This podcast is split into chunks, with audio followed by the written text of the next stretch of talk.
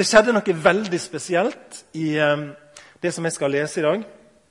I synagoga i Nasaret. Jeg skal bruke dagens tekst. Eh, og det, det var eh, sabbat, og det var ei utrolig spesiell eh, hending som skjedde den søndagen her. Det blir hevda det av noen at den sabbaten vi nå skal gå inn i, at det var den sabbaten som ble kalt for soningsdagen. En sånn årlig dag som eh, jødene markerte. Soningsdagen, og det skjedde spesielle ting. så kommer tilbake til Det Det er det ene som blir hevda. Og der er faktisk en som heter Marshall, da, en, en annen teolog som graver sikkert veldig djupt, og som har regna ut. Og han har funnet det at i tillegg til at dette var den store soningsdagen, altså den årlige soningsdagen, så var det muligens også i jubelåret. Eller frigjevingsåret. Som egentlig forteller mer om hva den, eh, det året er for noe, enn jubelåret. Noen hevder det at det var det. Vi skal komme litt tilbake til det. Og der i synagoga i Nasaret så skjer det en oppfyllelse av en profeti. Og Før jeg sier noe mer, så har jeg bare lyst til å sånn positivt oppmuntre til å komme sammen i Guds hus på sabbaten eller på søndagen. For profetier kan gå i oppfyllelse, folkens. Hvor var du hen Hvor var du hen den dagen Jesaja 61 gikk i oppfyllelse? Nei, Jeg var på Genesaretsjøen og fiska. Peters fisker. Nei, jeg var, jeg var, i synagoga når det skjedde. Og Jeg har lyst til å formidle det og si det, ikke for å gi noen dårlig samvittighet, men for å positivt oppmuntre til å komme sammen på sabbaten eller på helligdagen, på søndagen, for å høre Guds ord og tilbe Han og be til Han. For det skjer noe. Og jeg, sur, er ikke sur på meg sjøl, men jeg kjenner at jeg gikk glipp av noe forrige søndag. Når jeg ikke fikk være her, Jeg var og besøkte min aldrende mor. Og jeg gikk glipp av noe søndagen før. Da var jeg i og betalte tilbake ei gjeld som Bergens Indremisjon hadde. Fordi han Torgeir Skrunes var her og preika, så måtte jeg til Kristiansand og preike. jeg kjenner at jeg har gått glipp av noe. Jeg har lyst til at det skal være sånn ah, Jeg har mistet noe. Jeg ønsker å være der. Jeg ønsker å være i fellesskapet. Når forsamlinga er samla. Og Hebreabrevet 10,25 sier noe om å være der. Og ikke holde seg borte. Og Teksten i dag handler om at Jesus gikk inn i synagoge slik han brukte å gjøre på sabbaten. Det var hans gode vane. Og Det bør være vår gode vane å være i det kristne fellesskapet når forsamlinga er samla. For vår egen del, men også for andre sin del. For det står faktisk det at ved å komme sammen så oppmuntrer vi hverandre. Det er oppmuntrende ser dere. Utrolig oppmuntrende å komme sammen og se søskene, se familien, se brødre og søstre. Det er en oppmuntring. Og så må det kanskje bety at det å holde seg vekke kan kanskje virke til det motsatte. Og ikke sette mot det. Jeg tenker Vi vil jo være med på å sette mot i hverandre. Det får være innledninga. Er dere klar til å stige inn i Lukas 4, fra vers eh, 16? Og vi kan godt reise oss. Altså, det var jo sånn i synagoga at den som las teksten, reiste seg. Men når han var ferdig å lese teksten, da satte han seg. Og det var også slik at Hvem som helst av, som, av mennene som var i synagoga, kunne ta bokrullen og lese og legge ut skriftene. Sånn var det. Men de røyste seg altså når de las eh, teksten, og så satte iallfall han som hadde lest seg etterpå, sånn som Jesus gjorde. Men jeg skal, jeg skal stå. da eh, en liten stund. I alle fall. Men nå står vi og hører at han kom òg til Nasaret, der han var oppvoksen. Og på sabbaten gikk han inn i synagogen, som han brukte å gjøre. Han reiste seg for å lese fra Skrifta, og de ga han boka til profeten Jesaja. Han åpna bokrullen og fant den staden der det står.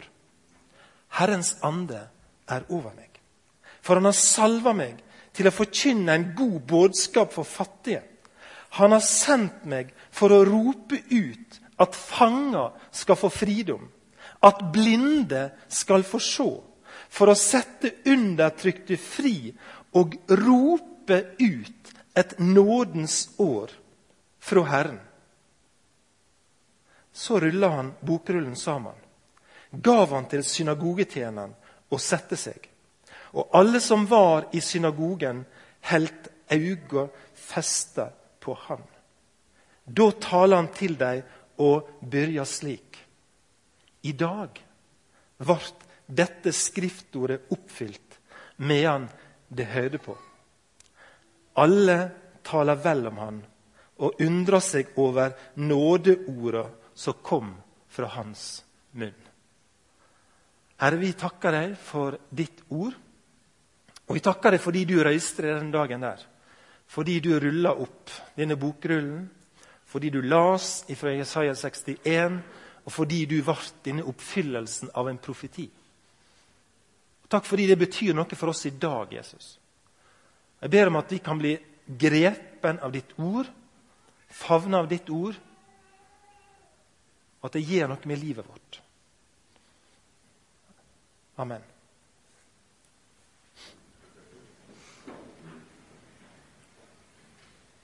Som jeg sa eh, Noen hevder det at dette er eh, noe som skjedde på den sabbaten som ble kalt for Yom Kippur. Yom Kippur. På hebraisk betyr det soningsdagen. Noen hevder det. Dette er den dagen i året eh, som Jesus da taler. Eh, og Noen hevder også at det er på selve frigjøringsåret. Altså det 50. året, som jeg skal si litt om senere. Som jødene hadde en måte å finne fram til et sånt frigjøringsår, jubelår, hvert 50. år. Og I parentes så skulle jeg da per definisjon være inne i jubelåret i mitt eget liv da, noen dager til. Eh, jeg er ikke helt sikker på om jeg merker så veldig mye av akkurat det, men i alle fall, sånn var det.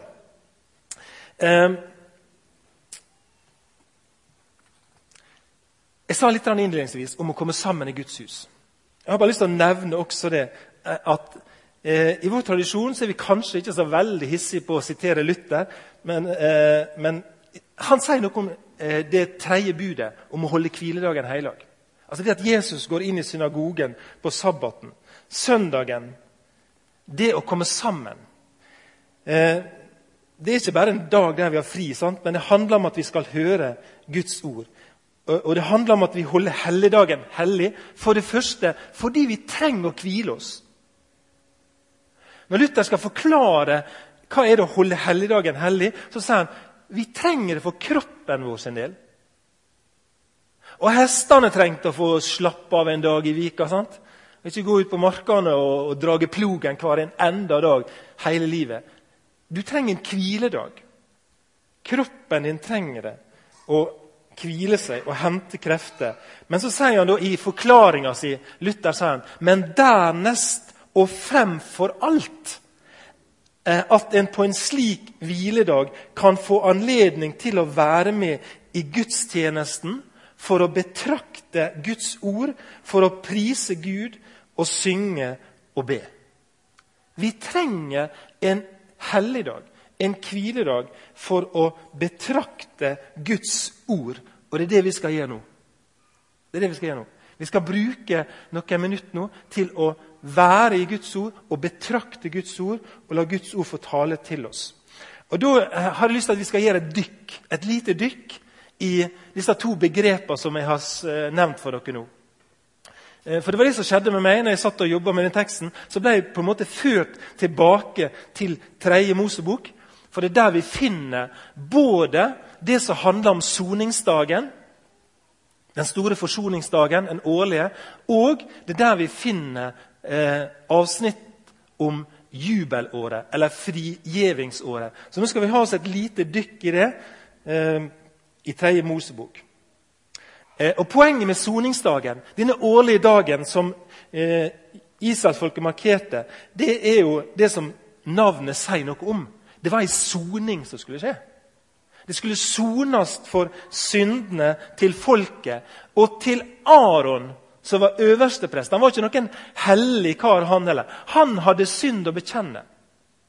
Selv om han var øverstepresten i systemet så hadde han synd. Han måtte sone for sine synder og han måtte sone for folket sine synder. Og En gang i året så hadde de altså et system der de gjorde det. Og Mange av dere kjenner nok det, men der er ofte en god ting i det å repetere ting. Gud han talte til Moses. og Vi skal til kapittel 16, sånn, sånn dere vet sånn cirka hvor vi er. Jeg ser det mange som har med seg Bibelen. Det synes jeg er utrolig flott. Og Så blir jeg litt forvirra av de som sitter med mobilen. og så tror jeg at det, Nå sitter de og sender meldinger. Men så sitter de og leser Bibelen, folkens. Er ikke det litt spennende? Bare sånn at dere vet det, dere andre som lurer på, Sitter de og skriver meldinger, sitter de og leser mail? Hva gjør de med mobilen? De leser Bibelen, tror jeg.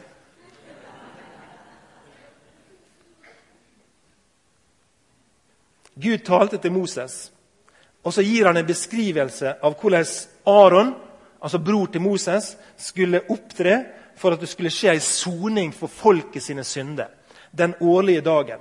Da skulle det skje noe ekstra. Eh, denne dagen var ikke som andre dager. De skulle ofre både en okse og de skulle velge ut to bukker. Og oksen det var et offer for Aron sin synd og hans familie. Og så hadde de to okser, eller to bukker i tillegg til det, som også skulle være med å sone noe. To geitebukker. Og I vers 8 i kapittelet så står det Aron skal kaste lodd om bukkene. Ett lodd for Herren og ett for Asasel, eh, som trolig var ei, ei, ei vond ånd. Denne Asasel. Eh, og Den bukken som loddet for Herren faller på, eh, skal Aron leie fram og lage til som syndoffer. Den bukken som loddet for Asasel fell på, skal leies levende fram for Herrens anlet. Ved han skal gjøre soning når han blir sendt ut i ørkenen til Asasel. Eh, oksen skulle slaktes til soning for Aron og hans familie sin synde. Så skulle det, eh, han slakte et syndoffer som var for folket sine synder. Eh, og så skulle han også sone, eh, ha et slags sonoffer for helligdommen. For dette teltet som de hadde bygd, eh, og som Gud møtte dem i. For det var også blitt ureint i løpet av året, fordi det var syndige mennesker som hadde gått inn og ut av det. Så måtte også det gjøres rent. Helligdommen i den gamle pakt det var et telt som var delt inn i det hellige. Og der kunne eh, prestene bevege seg eh, stadig vekk. Og så var det det aller helligste, et rom der kun øverstepresten fikk lov å gå inn, og kun én gang i året, og kun når han hadde med seg blod som han skulle ta med inn for å sone synden til folket. Og Han hadde sågar ei snor i ene foten. Hvis han døde inn i det aller helligste, så skulle de kunne dra han ut igjen. Altså Hvis Gud straffa han på en eller annen måte. For det var ingen andre som kunne gå inn i møte med Gud i det aller helligste. Og så er det at Aron gjør dette her da, så lenge han er øversteprest Én gang i året så skjer denne ofringa. Og så er det et neste steg, som vi leser om i vers 20 i kapittel 16. Eh, der.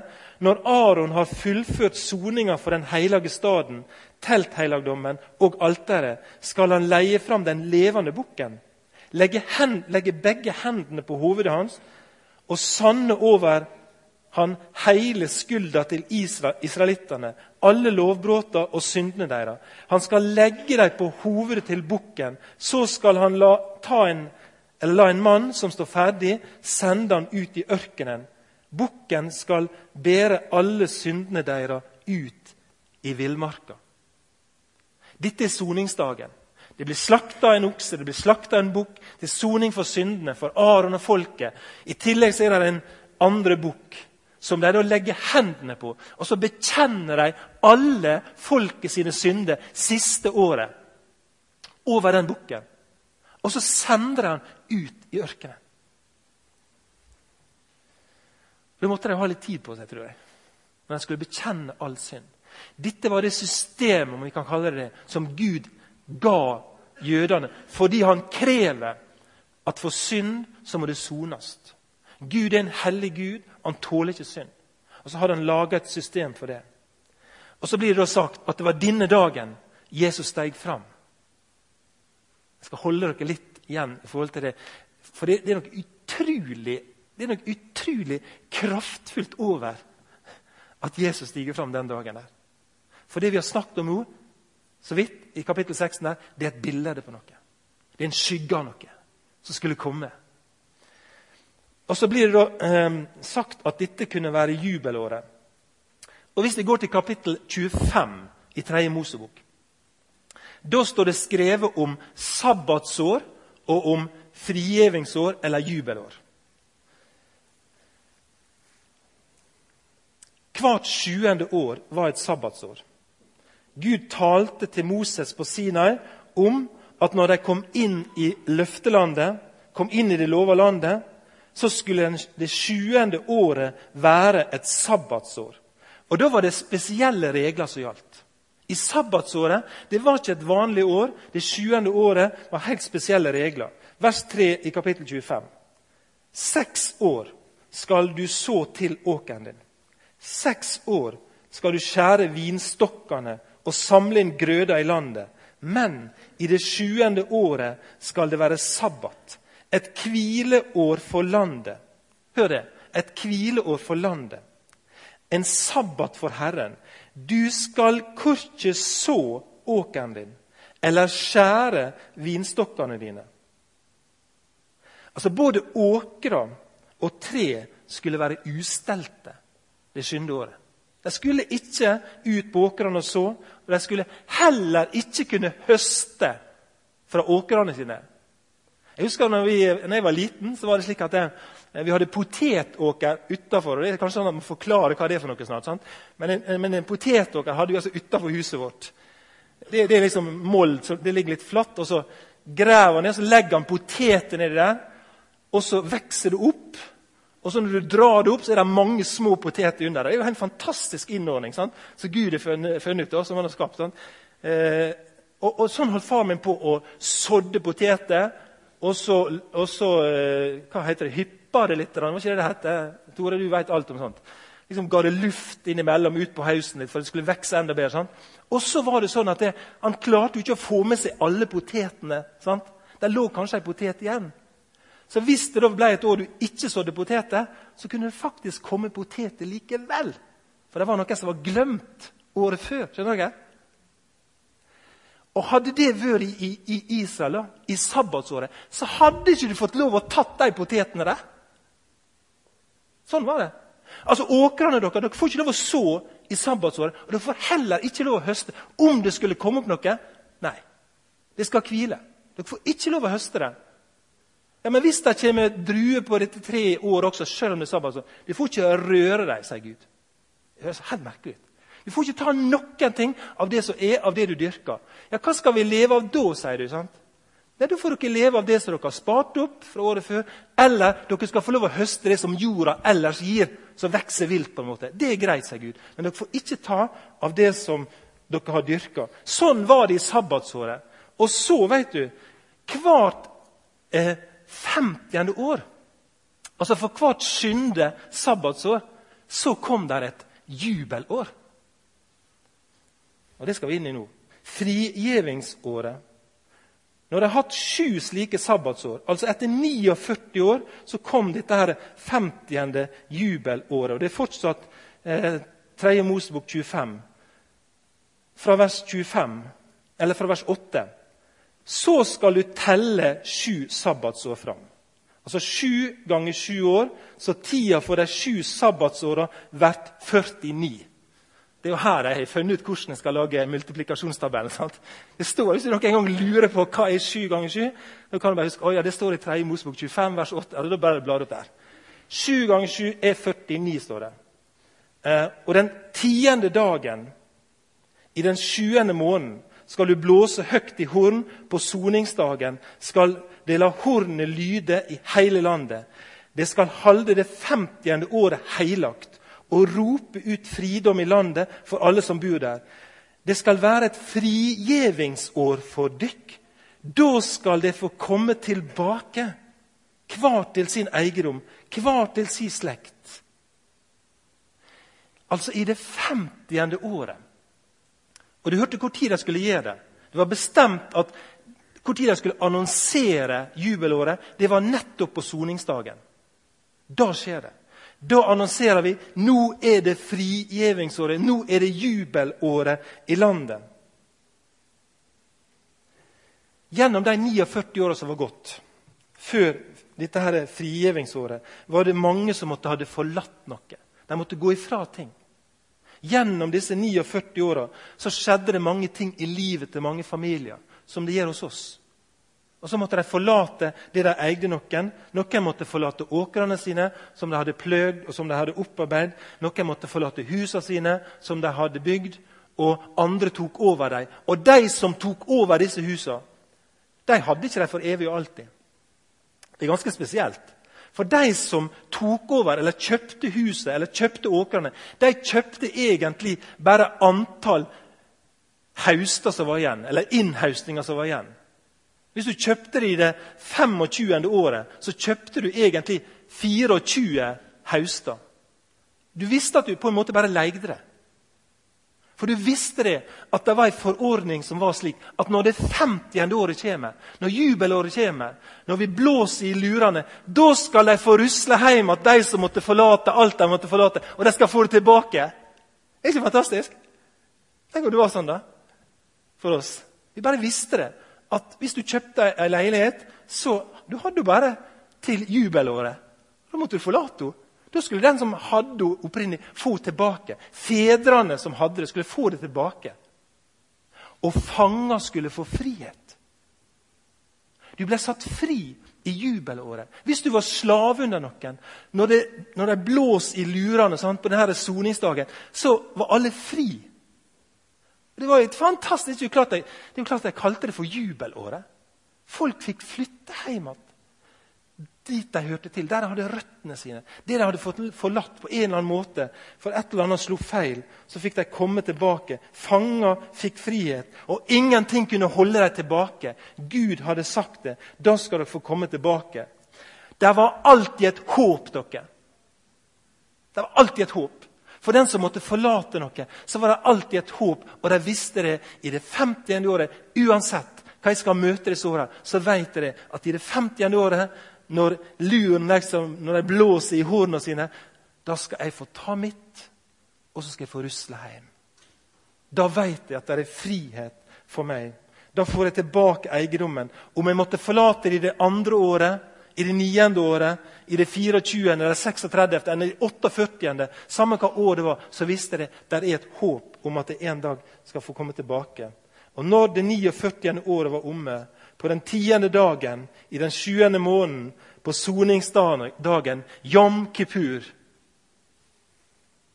sto de klar, alle, til å bryte opp og gå hjem igjen til sitt. Det er en fantastisk flott sak som Gud hadde tenkt ut.